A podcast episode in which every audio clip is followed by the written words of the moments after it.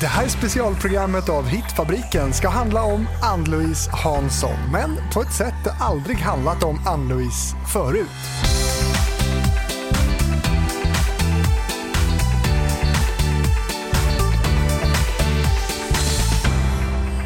I den här serien program hör du barn till kända musiker välja ut deras favoritlåtar med sin förälder.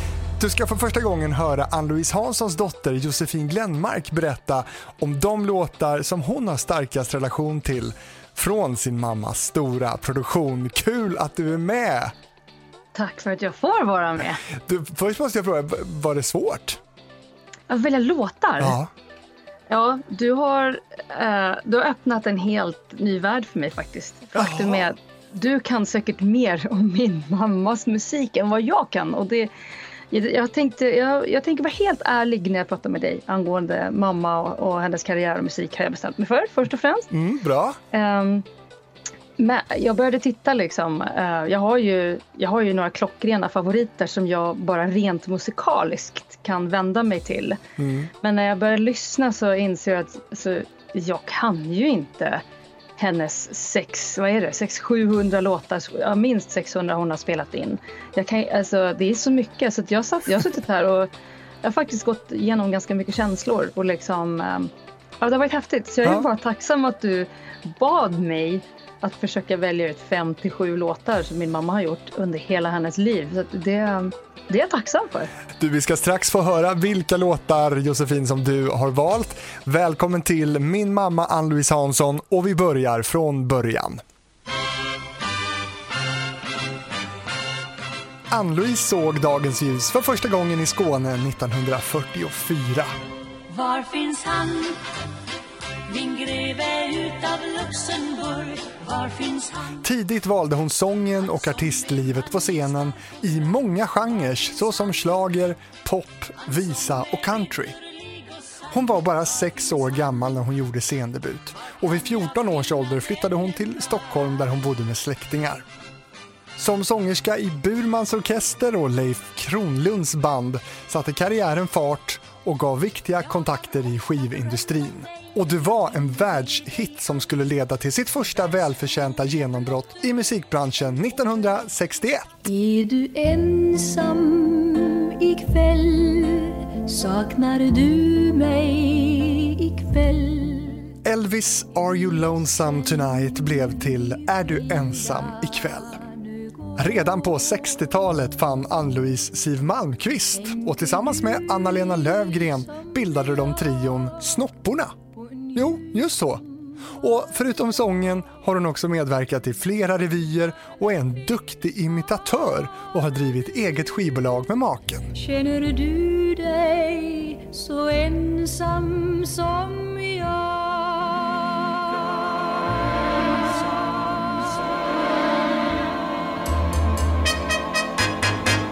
Förutom en lång rad låtar på Svensktoppen har Ann-Louise ett svårslaget rekord i antalet gånger hon deltagit i Melodifestivalen. Sumsura humlan som på Maria nyckelpiga där hon... Hela 14 gånger har hon tävlat om att få representera Sverige i Eurovision. Hon debuterade i tävlingen 1963 med låten Sum sum sum lilla sommarby.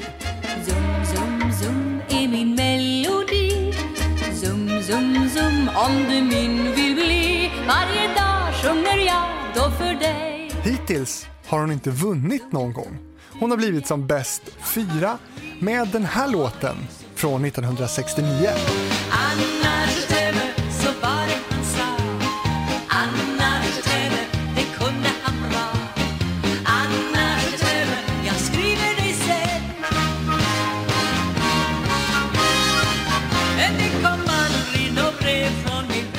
På senare tid är det nog Sellavi från 2004 ihop med Tova Karsson och Siv Malmqvist som gemene man minns mest, även om hon också deltog så sent som 2019 med Kärleken finns kvar.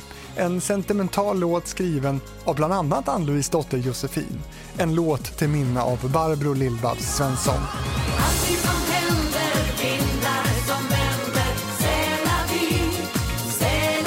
Och på tal om Lill-Babs och Siw Malmkvist så har Ann-Louise ägnat sig åt en lång rad musikaliska samarbeten.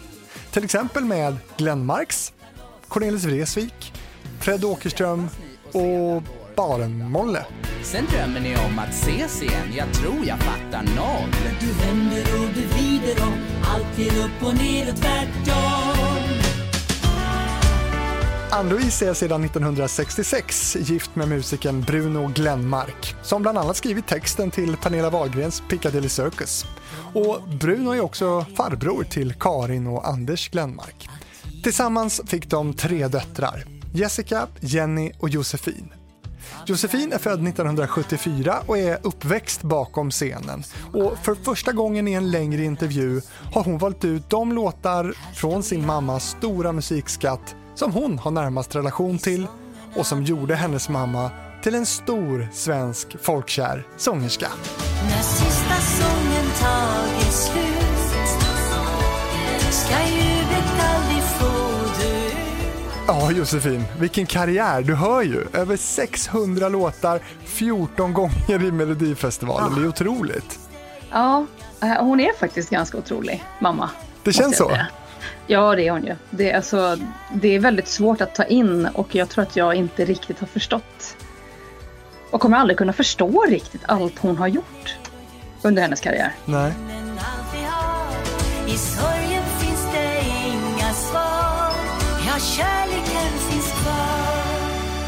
Du bad ju mig också att eh, välja låtar som jag har en stark relation till och mycket minnen. Mm.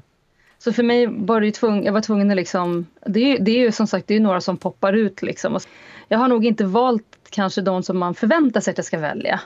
Vita rosor från Aten eller alla de här. De är liksom så självklara utan jag kanske har um, jag har nog gått lite på min musikaliska feeling, alltså de, de jag själv tycker om. Och mm. mamma är inte alls ensam med mig här. Men du, har mamma fått vara med i processen på något sätt? Sa du någonting om det? Och välja låtarna? Nej, hon har inte en aning om. Jag vet, jag vet bara när jag diskuterar med henne. Jag har till exempel en absolut favoritlåt. Det är så konstigt. Och hon är så här, va? Nej, den här tycker jag om. Och så har hon en helt annan och den tycker jag liksom, nej. Nej. Ja, jag, tror, jag tror jag vet vilken det är. Vi, vi kommer till den alldeles eh, snart. Innan dess tänkte jag bara höra med dig. Vad, vad är den största fördomen om din mamma rent musikaliskt? En fördom om mamma? Uh, men mamma är ganska uh, ren och rak, eller på säga. Vad ska man säga? Det finns inte så mycket rough edges. Vad säger man? Hon är, hon är Ann-Louise Hansson, precis så som man tror att hon är, tror jag. Mm. Hon är ju en person när hon pratar med er. Mm. Alltså då är hon ju Ann-Louise Hansson. Då förvrider hon sin skånska lite. Och så är hon den artisten som hon har vuxit upp med att vara. Alltså hon blev ju liksom artist redan som tonåring. Sen har du min mamma som pratar skånska och som är den vanliga mamman. Och det är ju henne jag vill ha alltid. Mm. Och, och, du, henne, och, och jag får ju två personer hela tiden kan man säga. Ja precis, för, för du, du ser det verkligen som, som två personer, mamman ja. Louise och artisten. Ja, det tror jag nog alla vi döttrar gör. Liksom. Vi, hör ju när hon förställer sig så att säga. Jag säger, men åh, mamma, ja du vet. Men hon, jag tror att det var så otroligt viktigt på den tiden och hon, de behandlade henne så illa på grund av hennes skånska i musikbranschen. Liksom. Så de sa ju bara att ta ut din kokta potatis och så ska du prata stockholmska. Liksom. Du ska, ja. Mm. Så så då blev det att man pratar så här hela tiden. Och så hade hon är lite vän mamma. Hon är liksom, hon är så snäll. Ja. Men hur ser du på det där idag då med, med, med skånskan och att man inte fick sjunga på, hade, hade du velat att hon sjöng på skånska mer, i, även idag kanske? Nej, alltså nu är det för sent höll jag på att säga. Nu, nu är hon ju um, den hon är. Men jag tycker det är väldigt fint att man får låta dialekter ta sin plats idag. Så det finns många som sjunger på skånska och sådär. Mm. Eh, faktiskt. Och vi ska börja nu Josefin och uh, lyssna på de låtar som, som du har valt ut och vi ska börja med en av de här låtarna som jag tror att du tidigt valde och den är från 60-talet, 1963 tror jag, eller hur? Ja, oh, min favvo. Ja. Där är den. Doft av honung.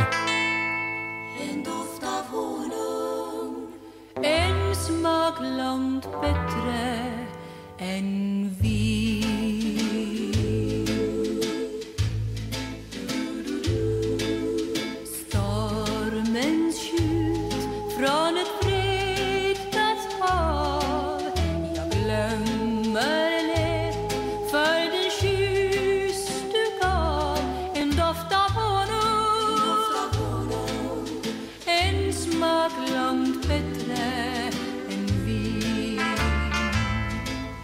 Vad är det som gjorde att den här direkt eh, platsade på den här listan?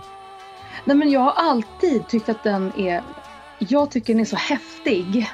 Um, den beskriver så mycket mer eh, än bara... Det är inte bara en låt för mig. Den är otroligt komplex musikalisk. Den byter taktart. Eh, jag älskar hur den är musikaliskt sammansatt. Eh, den är väldigt melankolisk i sina melodier. Någonting som jag älskar. Jag älskar melankol melankoli i eh, melodier. Jag älskar körarret. Alltså den är så old school. Alltså jag hade önskat att få vara med på den tiden där det var på riktigt, där man sjöng. Jag, jag älskar att sjunga kör. Så att det... Ja, och sen tycker jag mammas röst är så fin liksom. Mm. Det är någonting med den här låten. Jag vet inte vad det är och jag tycker det är så cool med de här, um, just takt, när taktarterna byter. Jag tycker det är så jäkla häftigt. Mm. Och det är ju häftigt också att du tar oss med då ända till början av, av 60-talet. Det, det, är en bra bit eh, tillbaka verkligen. Ja. Och, och, den här låten hette ju då i original A Taste of Honey. Ha, mm. Har du någon koll på, på bakgrunden, alltså på, på historien av, av den här låten? Nej, jag har inte det. Den är ju skriven av Bobby Scott. Är det ett namn som, som klingar bekant? Inte mer än att han står på mitt papper framför mig här ja. när jag läser. Jag ser att han, den är producerad av Anders Burman, så långt har jag kommit. Liksom, ja. Och, Men, och uh, den här Bobby Scott, han vann till och med en amerikansk Grammy för den här låten i kategorin bästa instrumentala komposition på den här tiden. Uh, ja, häftigt. Vad jag sökt, vad jag sökt har jag funnit, har jag funnit i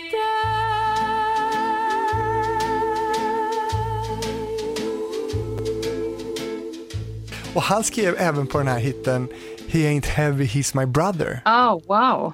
Really? Ja. Ja, du ser, jag visste att jag skulle lära mig så otroligt mycket. Bara få vara med om det här. Men eh, jättegrym låtskrivare alltså. Den är så musikaliskt komplex och jag är lite så här, jag, jag, tycker lite, det här är nästan lite så att jag skulle kunna beskriva min släkt som den här låten. Alltså allting ska vara så musikaliskt hela tiden och då pratar jag inte om musikal utan alltså just uh, kunskapen bakom musiken. Mm. Man pratar om termer som är när vi går in och pratar om musik i min familj eller lyssnar på musik då är, då är öronen spetsade till 100 procent.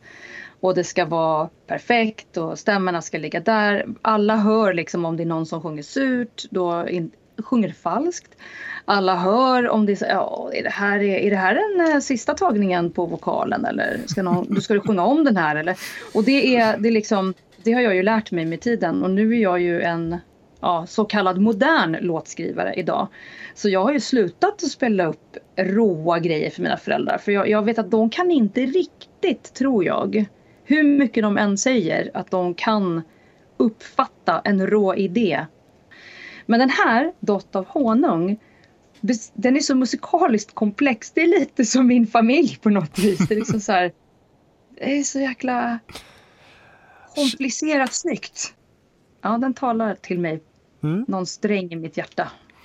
Doft av honung med Ann-Louise Hansson alltså. Eh, berätta Josefin, eh, har du något sånt där första minne av din mamma som, som känd artist? Eh, jag har ganska många minnen men de är väldigt sådär, de är ganska sporadiska faktiskt.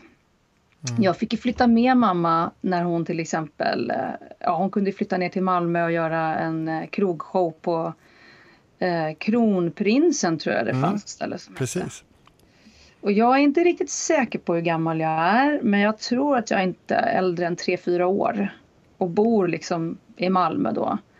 Och en av, det här är ju inte, det här är inte liksom hennes kändhet att göra men eh, jag, jag kommer ihåg något stort rött Äpple i någon park någonstans som vi var och lekte i på mm. dagarna. Liksom. Hon gick ut och lekte med mig och sen så fick jag följa med på kvällarna.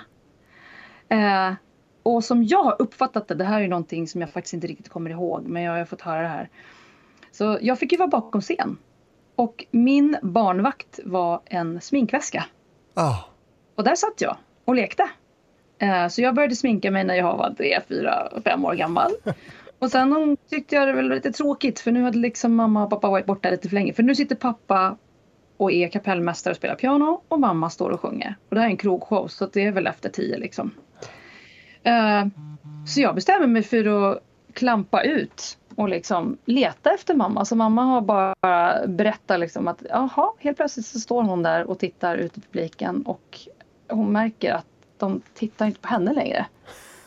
Och då är det jag som börjar krypa ut på scenen. Ja. Hon liksom, i smink, eller mer, jag såg väl mer ut som en, en, liksom, en clown eller vad jag nu var. Jag hade bara kladdat hela ansiktet. Så då ryckte pappa upp mig på scenen liksom så här. Så att, eh, minnen, det är liksom, det är hela, jag har jättemånga fragment av turnéer och ja, mycket studion och alltid, vet det, fotografer som kom hem och skulle göra hemma hos-reportage. Och... Mm. Men eh, frågan som, som etsar sig kvar är ju hur bra är du på att sminka dig idag? Jag är väldigt bra på att sminka mig idag. Du är det va? Ja. ja det är förståeligt. Ja, jag, nej, men jag är faktiskt väldigt bra och det är lustigt. I mammas generation, eh, man sminkar sig själv, man har liksom inte sminköser. Idag åker jag ju omkring med turnéer med människor som har sminkös och stylist med sig. Det hade man ju liksom inte då utan du sminkar dig själv. Det tror jag fortfarande kanske många gör dock. Men, uh, um, så jag lärde mig väldigt tidigt. Jag har till och med jobbat lite som amatörsminkös. Du ser. Det gav utdelning kan man säga. Ja, Den där leken i sminkväskan bakom ja, scenen. I... Sminkade kompisarna när jag var ung och sådär också. Det var alltid jag som fick göra det. Ja. Mm. Vi ska gå vidare i eh, musiklistan och då har du valt en eh, fantastisk låt med Ann-Louise Hansson tillsammans med Billy Preston. Oh. So good, so fine. Ja, oh, den är så fin. Could not be stopped just to be with you. For all the wonders in the world, you and I know forever sunshine. For love we'll never have to fear. Love will last a million years.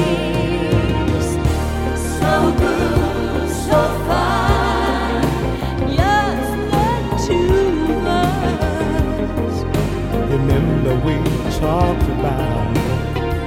So good, so fine. No one can keep us down. No one will ever try again. Och kommer då från 1986. Albumet heter Duva, flyg igen. Eh, berätta om varför du valde den här låten. Ja, men jag tycker det finns ju liksom några låtar som sticker ut som jag faktiskt på riktigt tycker är riktigt bra. Mm. Uh, och är stolt över mamma att hon har gjort den. Då. Och det här är en sån låt, jag har minnen av att han var där. Jag var 86, så jag var ju 12 år gammal. Ja, den släpptes 86 så den spelades in lite tidigare för, förmodligen. Mm. Um, och det var ju en stor grej. Liksom. Jag kanske inte förstod det men uh, jag tror att jag har lärt mig mer om vem Billy Preston var i efterhand. Så jag tycker att han sjunger så fantastiskt bra. Sen är det Lasse Andersson som har varit med och skrivit den här låten och Lasse Andersson var en ung man då som började jobba åt pappa som också var så här musikaliskt geni. Och jag tycker det är så häftigt att det finns sådana människor som kan behärska så många olika musikstilar och han var en sån människa. Så han är en sån människa. Um, jag tycker låten är så härlig. Mm. Det, är så udda, det är så udda för mamma att göra en sån grej. Och det är ju det är ett jättestort samarbete att göra en duett med Billy Preston. Precis, och för de som inte vet då så är det en, en amerikansk, också Grammy-belönad soulmusiker. Va, ja. Vad vet du om deras samarbete? Hur hamnar de där tillsammans? Ja, det vet jag inte heller någonting om. Du har mycket att men prata med kan, mamma om. Du kan, ja, jag vet. Nej, men alltså, det, det, helt ärligt, man växer upp med det här. De är på turné, de är i studion, de jobbar, jobbar, jobbar, jobbar, jobbar. Och man liksom till slut så man, man kan inte plocka upp allting som de gör. För det är så mycket, om jag ska vara ärlig. Och sen var jag ju liten. Liksom. Precis, och det här är ju då från, från 86 och, och, det är ju inte vem som helst den här Billy Preston. Ju. Nej, det är det ju inte. Han har ju samarbetat med, med andra storheter då, inte bara Ann-Louise Hansson utan The Beatles och ja. Rolling Stones och ja. Nat King Cole och Little Richard mm. och Ray Charles och Elton John och Eric Clapton och Bob Dylan och Sam Cooke och Sammy Davis Jr, Aretha Franklin, Jackson 5 och Quincy Jones och Mick Jagger och så vidare. so far.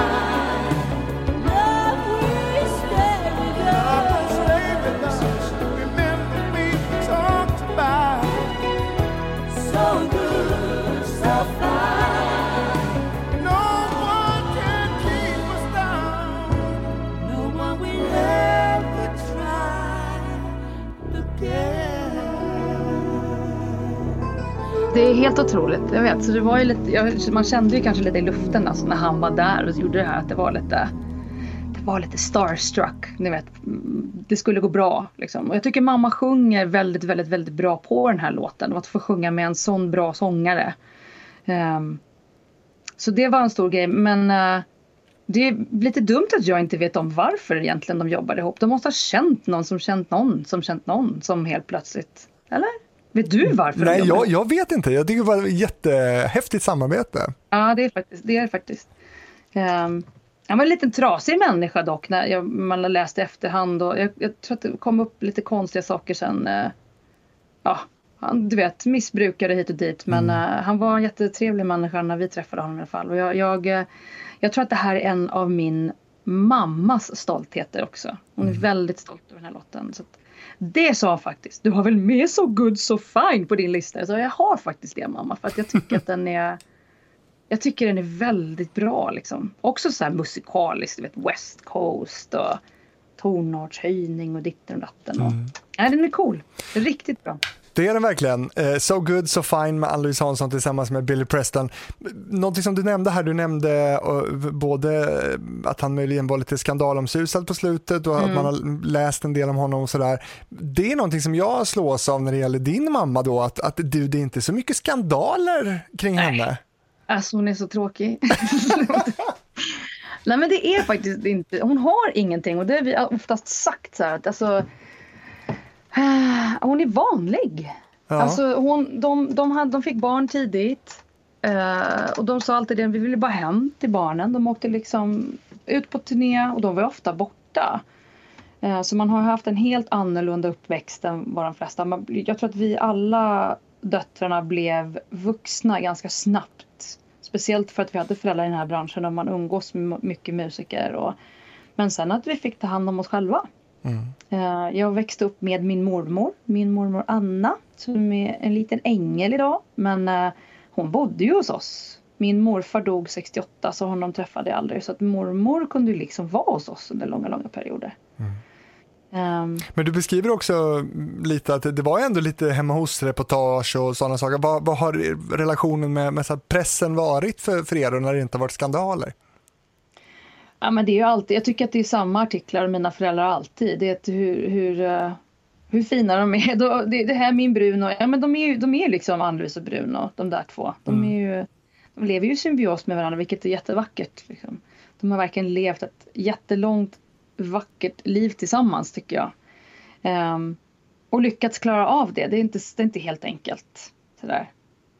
Nej. Speciellt när han då är hennes manager och hon är artisten. De har ju, jag vet inte, det, det var väl alltid min dröm att ha det som de hade tyckte jag. Jag ska ha en man som liksom kan ja, spela musik med och allt sånt där. Och sen så ju längre jag, eller ju äldre jag blev desto mindre ville jag det. Jag ville inte bara ha musik. För det är ju, det är ju mycket musik. Det är, liksom, det är mycket, mycket musik. Mm. Och jag tycker att det finns annat också. Och nu Josefin, nu blir det country. Yes. Vi ska lyssna på Don't slam the door med Ann-Louise Hansson. För, för visst, visst, visst kallar vi det country va? Ja det tycker jag verkligen. Mm. Det tycker jag verkligen. Bra.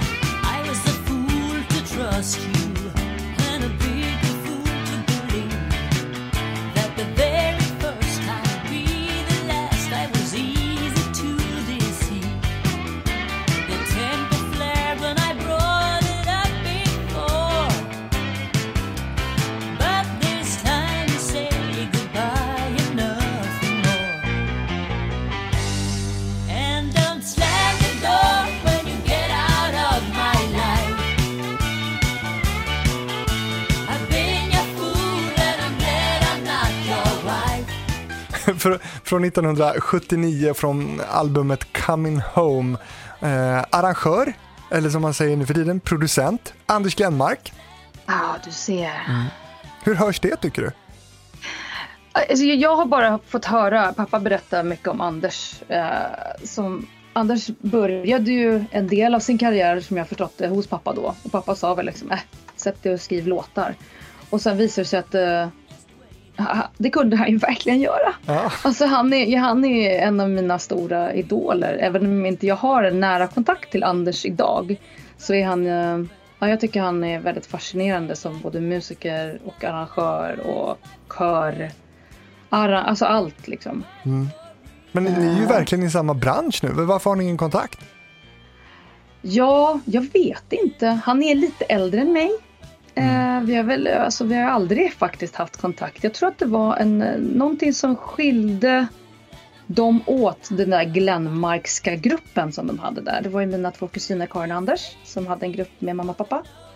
Så vart det tyvärr någon schism. Mm -hmm. Så där, där har du väl den korta historien. Sen bryr inte jag mig så mycket om deras schism för jag tror att de har lagt den på hyllan. Eh, och träffats och sådär. Och pappas båda två bröder är borta så att han är den sista bröden, brodern eller sista farbrorn då kvar. Um, så de har en bra kontakt idag.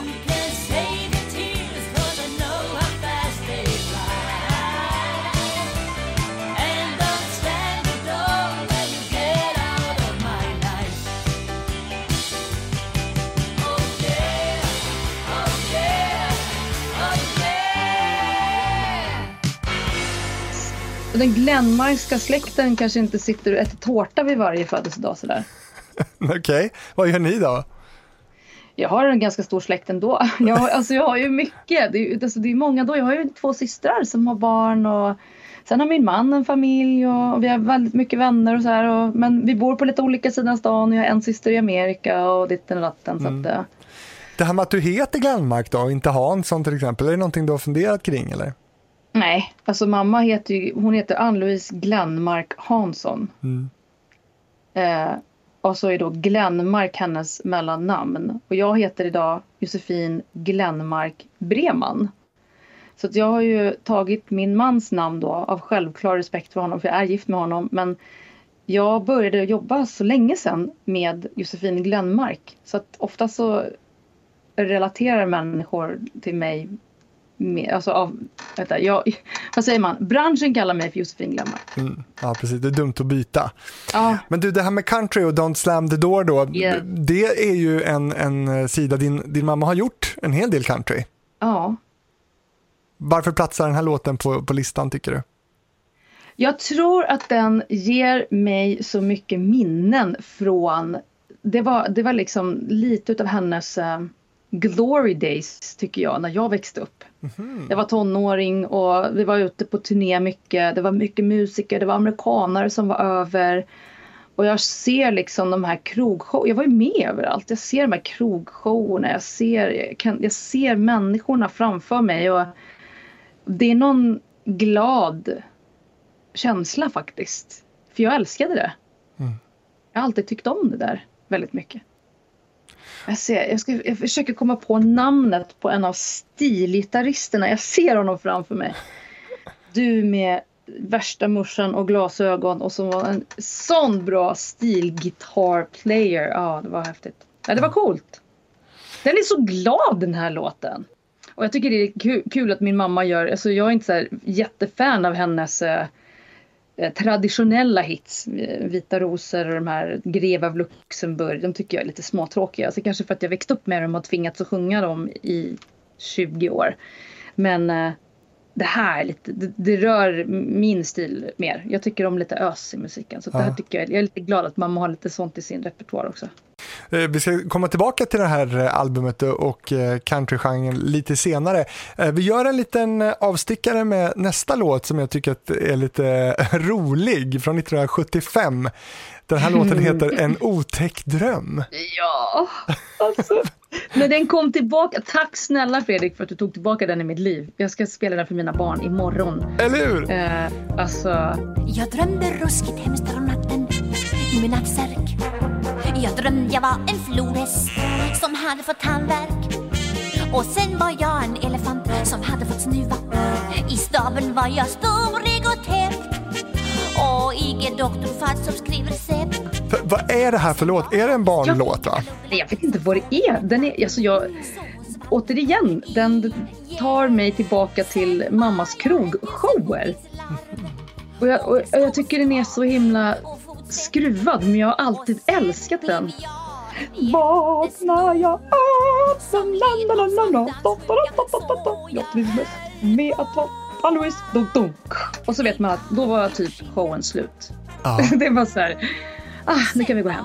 Då fick man äta någonting, nattamat och så fick man gå hem. Hon, det känns som att hon har lite en annan röst i den här låten också, någon slags eh, en ja, annan ton. Ja, ja det är en helt, eh, där, där är en tillgjord, någon typ av musikalisk, eh, teatralisk. Jag tycker den är så himla rolig. Ja. Jag vet inte vad det är för någonting och varför den helt plötsligt dyker upp på en skiva. Det är jättekonstigt. Nej, och den dök upp då 1975 på albumet Ann-Louise som sista låten på B-sidan där ja. på, på vinylen. Eh, och heter Sweet Sue i eh, original. Som jag har glömt bort. Sen vaknar jag upp och jag vara mig. Ja, samma gamla tjej. Jag trivs bäst med att vara Ann-Louise. Men jag har faktiskt inte hittat så mycket mer information om den, men eh, det finns säkert där ute. Men, men varför valde du den då? Tyckte, är det just de här minnena från när du får gå hem? Ja, Nej, men du, du, du sa ju välj ut låtar så ska vi prata om vad, vad jag har för relation till ja. låtarna. Och då, du har ju öppnat liksom en del av mitt liv som jag inte tänkt på på väldigt länge. Eh, och den här gör mig så jätteglad. Den, den, jag är glad att du tog upp den igen. För den var så här, just det, den här älskade jag ju när jag var liten. Jag tyckte den här var jätterolig en otäck dröm alltså med, med Ann-Louise Hansson. Det här föranleder mig också att fråga hur dina musiklyssningsvanor ser ut när det kommer just till mammas musik. Händer det ens att du liksom lyssnar på mammas musik idag? Ja, och då lyssnar jag på musik som jag själv har skrivit som mamma sjunger. Det Just det, för ni samarbetar ja. ju nu. Ja, helt otroligt. Det är en dröm som jag aldrig trodde jag skulle få uppleva faktiskt. Mm. Jag hade svårt att välja. Jag har gjort tre låtar till mamma de senaste två åren kan man väl säga. Och det började med Kärleken finns kvar som är en hyllning eh, till alla men i det här fallet så var det specifikt till Lill-Babs som försvann. De orden ekar inom mig att tiden din har runnit ut som var en så stor del av alla våras liv och en av mammas närmsta vänner och kollegor genom hela sitt liv. Mm. Eh, så när jag fick liksom, ah, jag tänkte någon gång tänka att få skriva en melodifestivalslåt till mamma. Men att få plats med Ann-Louise Hansson i Mello, det är inte så lätt idag.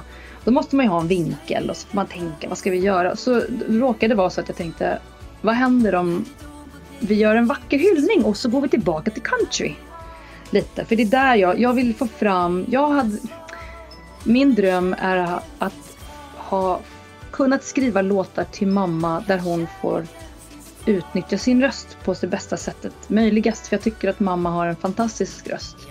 Även om hon är äldre idag och den är inte där den var så är den fortfarande väldigt väl, välbehållen. Absolut.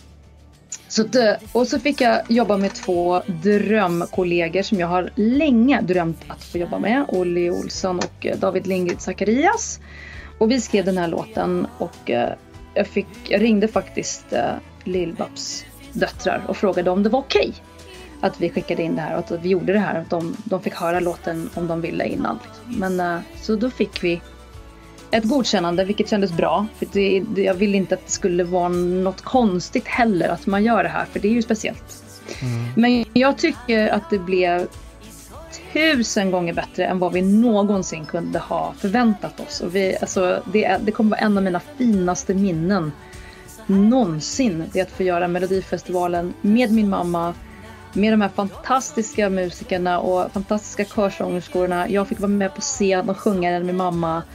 Ja, det var, och det var så mycket kärlek från pressen, från, ja, det, alltså det, var, det går inte att beskriva och vi bara grät oss igenom hela veckan men det var liksom lyckotårar. När sista sången tagit slut ska ju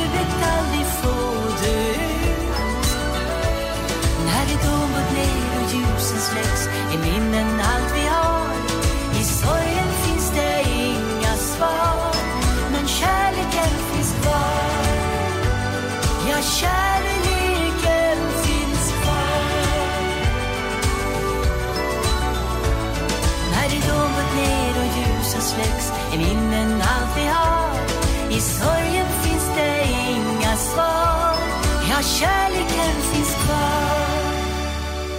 Ja, jag har förstått uh, det. var, det var mycket tårar som, som trillade den där veckan. Ja, det var faktiskt det. Jag, någon gång efter något genrep, du vet, jag bara brast liksom. Men det var också så mycket känslor som var tvungna att komma ut tror jag. Och det är en känslig sak när man liksom då får upp kanske Lill-Babs ansikte i, i liksom på näthinnan när man sitter och sjunger. Det är inte så lätt.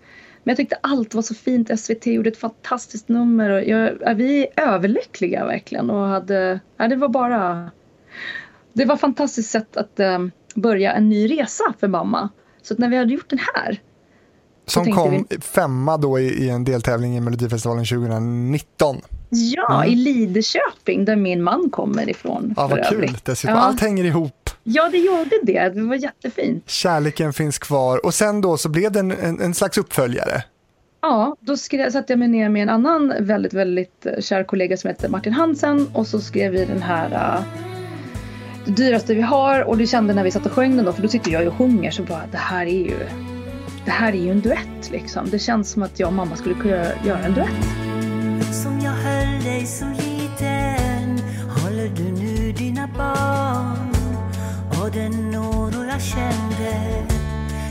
du nu likadan? Och att våga släppa taget när man vill hålla det kvar. För en mor svårt att göra men det gjorde du bra. Till en början ska vi falla men för att stå på egna ben måste vi våga göra fel. För vi är, vi är här en kort sekund. Går omkring på vår jord en stund. Det lilla ljus som är tänt för oss Brinner snabbt som ett tomteblås. Vi tror att lyckan köps med guld och glömmer det som är värdefullt Att det dyraste vi har Det är tiden vi har kvar. Det dyraste vi har blev vår duett och den är också, det var också så fantastiskt fint att få göra den och den kärleken vi fick där, det, det är så här Wow, jag förstår att artister vill stå på scen och sjunga och få den här bekräftelsen för det är det man vill få. Man vill att någon ska höra och den här låten hade ett fint budskap så vi hoppades verkligen att den skulle nå ut. Och det gjorde den. I alla mm. fall till de som var i publiken den kvällen. Så vet jag inte om många andra har fått höra den men uh, jag är jättenöjd med den. Mm. Och ert musikaliska samarbete då, mor och dotter emellan så att säga, hur funkar det? Hur är det att jobba med sin mamma liksom? Det är som en dröm. Hon är jätteenkel. Hon ger mig full kontroll. Hon litar på mig. Alltså, mamma, jag, jag tror att du litar på mig i alla fall till 100 procent. Hon vet att uh, jag är väldigt duktig på det jag gör när jag är i studion. För det är det jag har gjort de senaste 10-15 åren endast. Och coachat andra och coachat mig själv och liksom, jag har full koll på hur jag vill att hon ska låta. Sen så kan det vara lite frustrerande vissa gånger för jag vill ju att hon ska sjunga på ett visst sätt. Um, och då, då, brukar hon envisas med att det kan hon inte. Men jag tycker att vi har lyckats oftast till slut att få henne att göra precis så som jag vill. Så jag är jättestolt över henne. Mm. Och det tror jag hon också är. Det dyraste vi har, det är tiden vi har kvar.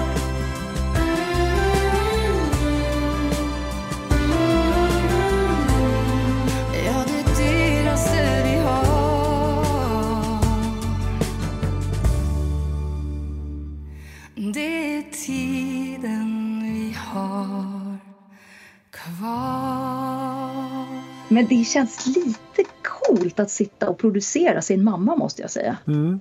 Nu när jag tänker efter. Det, det är häftigt. Vi ska avsluta då med din sista låt som du har valt och då eh, rör vi oss tillbaka till, till country-genren igen i låten Mama Joe. Ja, det där, det där är så roligt. Jag kallas ju för Mama Joe. Ja. jag kunde, när jag såg det, vet du, jag visste inte ens om att originalet till mammas natt och dag hette Mamma Joe förrän jag såg det. Så tänkte jag, jag måste välja dig. För ja. det, är mitt namn. Men den låten alltså, eh, det tar mig tillbaka. Det är så många minnen. Eh, och egentligen är det då den svenska texten Natt och dag. Plötsligt som en vind du kan upp från ingenstans Av känslor växte vinden till orkan Vi har ju sjungit kör, jag och mina systrar, på många av mina föräldrars låtar. Och det här är ett av dem. Vi bodde ju liksom i... Till slut så flyttade vi in. Mamma och pappa byggde ett jättestort studiokomplex. Och där bodde vi i, um, ja, i närliggande huset så att säga. Det var ihopbyggt ett lägenhetshus. Så man kunde gå ner i källaren en gång och så gå upp i studion. Så vi var alltid på jobbet. Pappa var ju alltid på jobbet. Jag låg ju i mitt rum och hörde trumpålägg liksom på natten och så åh, kan de inte bara sluta?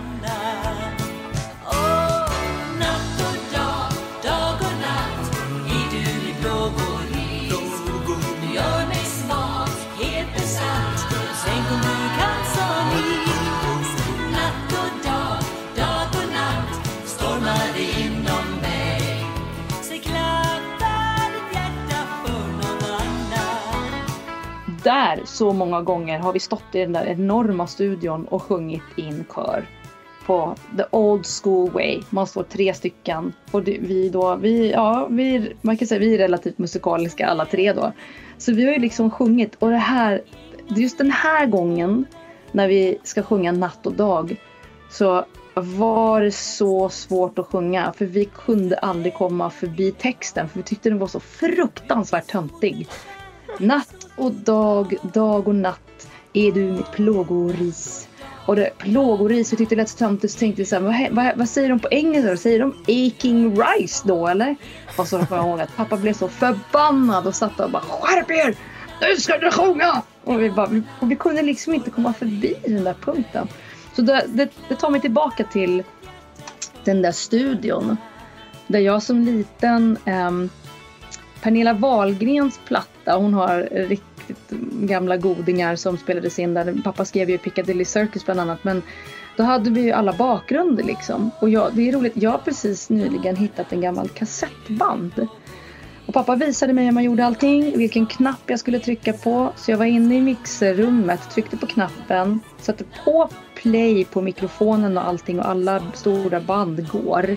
Sen hör man liksom hur jag går så här. Tack, tack, tack, tack, tack, tack, igenom och öppnar dörrar. Tack, tack, tack, tack, och så mm, kommer fram framför mikrofonen, tar på mig lurarna och så sjunger jag. Har han liksom cuat tejpen så han vet att han ger mig en minut innan jag kommer in. Och så får jag sjunga igenom alla hennes låtar. Liksom, så här, för skojs skull. Det var ingen annan i studion, det var bara jag. Den här massiva studion. Så det var ju min lekstuga när jag var liten. Cool, så du kan liksom Piccadilly Circus? Ja, det var inte ens den jag var riktigt Nej. gillade. Jag gillade så här, Santa Fe fanns det en låt som hette med Pernilla som jag älskade. Ja, ja, det är klart jag kan Piccadilly Circus. Den har man ju fått leva med kan man ju säga. Även den här höga tonen? Nej, den, den får hon göra den får, själv. Hon ta. Har det här är ju någon typ av teknik som har, man kan säkert öva upp. Men har du berättat det för Pernilla? Att jag brukar stå och göra de där grejerna? Ja. Nej, det vet jag faktiskt inte. Jag var ju typ 12 när ja. hon uh, det tror jag inte att jag har gjort. Men eh, de där, jag blev så fascinerad av att jag hade sån ehm, ja, nyfikenhet kring sången och mikrofoner och inspelade röster redan då. Det är någonting som har följt mig genom livet kan man säga. Häftigt att höra. Du, så här mot slutet då, vid vilka tillfällen skulle du säga att du har känt dig som mest stolt över mamma rent karriärmässigt? Det tror jag är väldigt, väldigt många gånger. Men hon har precis fått eh, utmärkelser från kungen och så. Men jag, jag kan, mm, alltså hela den här melodifestivalsresan känner jag var fantastisk. Alltså, jag blir stolt ofta över mamma. När vi gjorde ett jättefint portburi på Allsång på Skansen tillsammans eh, förra sommaren. Och hon har gjort så mycket och när folk kommer och talar om för henne mm, ja, den och den inspelningen där och då. Det var ju som bara du nu, du öppnar ju en helt ny värld för mig för att jag har inte lyssnat på alla min mammas grejer. Uh, Nej, det är för att det är omöjligt. Jag, kommer nog, ja, men jag kommer nog göra det och jag, jag blir imponerad. Hon är, hon är en väldigt, väldigt skillad sångerska. Hon är väldigt bra sångerska. Och när hon var yngre var hon galet bra faktiskt. Um, och det, det är häftigt. Det är kul. Mm. Har hon fått det erkännande som du tycker att hon förtjänar då med, med, med de, den kapaciteten som hon ändå besitter? Alltså, hon är ju den hon är. Jag vet inte om man behöver något godkännande. Det ska man väl kanske någonstans kunna ha i sitt hjärta. Men jag tror att alla, alla är väl bekräftelsetörstiga. Så att eh, visst, jag vet inte vilken utmärkelse det skulle vara i så fall. Men jag vet inte. Men uh, jag tycker att hon har levt ett helt fantastiskt, alltså hon har haft en fantastisk karriär. Så att det tror jag hon är väldigt, väldigt stolt över. Mm. Och jag tycker båda två har gjort, de gjorde verkligen uh, en bra resa genom sina liv. Mm. Och tack vare att det har varit så skandalfritt också så kanske du också har, har eh, varit skonad från, från, eh, från det oket som det skulle kunna innebära att ha en så pass känd Absolut. förälder. Absolut, det tror jag. Det har inte varit några större problem. Det var någonting eh, under Pernilla-perioden, nu ska vi se om jag kommer ihåg alla de här grejerna. Det var någonting med att jag kommer ihåg en skandal, då häng, de hängde ut pappa i pressen. Det var jättejobbigt för att Pernilla Wahlgren hade något typ av smycke på sig när hon uppträdde i Melodifestivalen.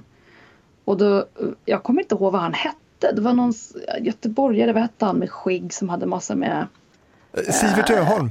Ja, precis. Sivert Öholm. Mm. Ja, det var, jag kommer ihåg när eh, pappa blev uthängd i media av bland annat Sivert Öholm och hans program Öholm. Eh, för att hon hade någon, Pernilla hade någon typ av svastika-liknande smycke på sig. Aha. Som om då pappa skulle ha sett det. Men han ser inte sånt där. Han ser inte ens om han har klippt håret. Liksom. Det, han ser, så, så det, var, det tycker jag kommer ihåg, tycker jag var jättejobbigt. Men det var liksom, är det den värsta skandalen eh, som har hänt kan man säga då. då? Um, så visst, absolut har jag varit förskonad från sådana saker och det är jag tacksam för faktiskt. Josefin, vad glad jag är att du ville vara med i det här programmet. Hur var den här upplevelsen för, för dig då, att sitta och, och bli intervjuad och berätta? Jag älskar att prata. Så det, det, är bara roligt. Jag har sett fram emot det här. Ja, vad kul. Och jag tycker att, att prata om mamma då, och speciellt eftersom vi nu helt plötsligt jobbar, vilket också ger mig ett erkännande att mamma litar på mig så pass mycket så att hon låter mig skriva musik till henne. Det tycker jag är helt fantastiskt. Då känner jag, där har jag fått tillbaka väldigt, väldigt mycket. Och mamma förtjänar all berömmelse hon kan få. Hon är jättefin min mamma. Hon har gjort mycket. Jag förstår nu hur det är att vara småbarnsmamma och hårt arbetande musiker. För att jag sitter själv och jobbar väldigt, väldigt mycket. Mina döttrar säger varje dag att jag har fel jobb, jag ska jobba mindre. Men jag jobbar i alla fall hemifrån. Jag sitter i min studio och jobbar varje dag. Nu, speciellt under dessa tider. Så att, um... Cirkeln är sluten, kan man säga så? Ja, det är det verkligen. Det är mm. verkligen. Josefin Glenmark, tack så mycket för att du var med. Tack jag fick vara med. Och du har hört Min mamma Ann-Louise Hansson producerat av mig Fredrik Rahlstrand. Och gillade du det här programmet då finns det fler i samma serie att hitta på min eh, Youtube-sida som heter just Fredrik Rahlstrand. Där finns till exempel min pappa Ted Gärdestad och min syster Monica Zetterlund.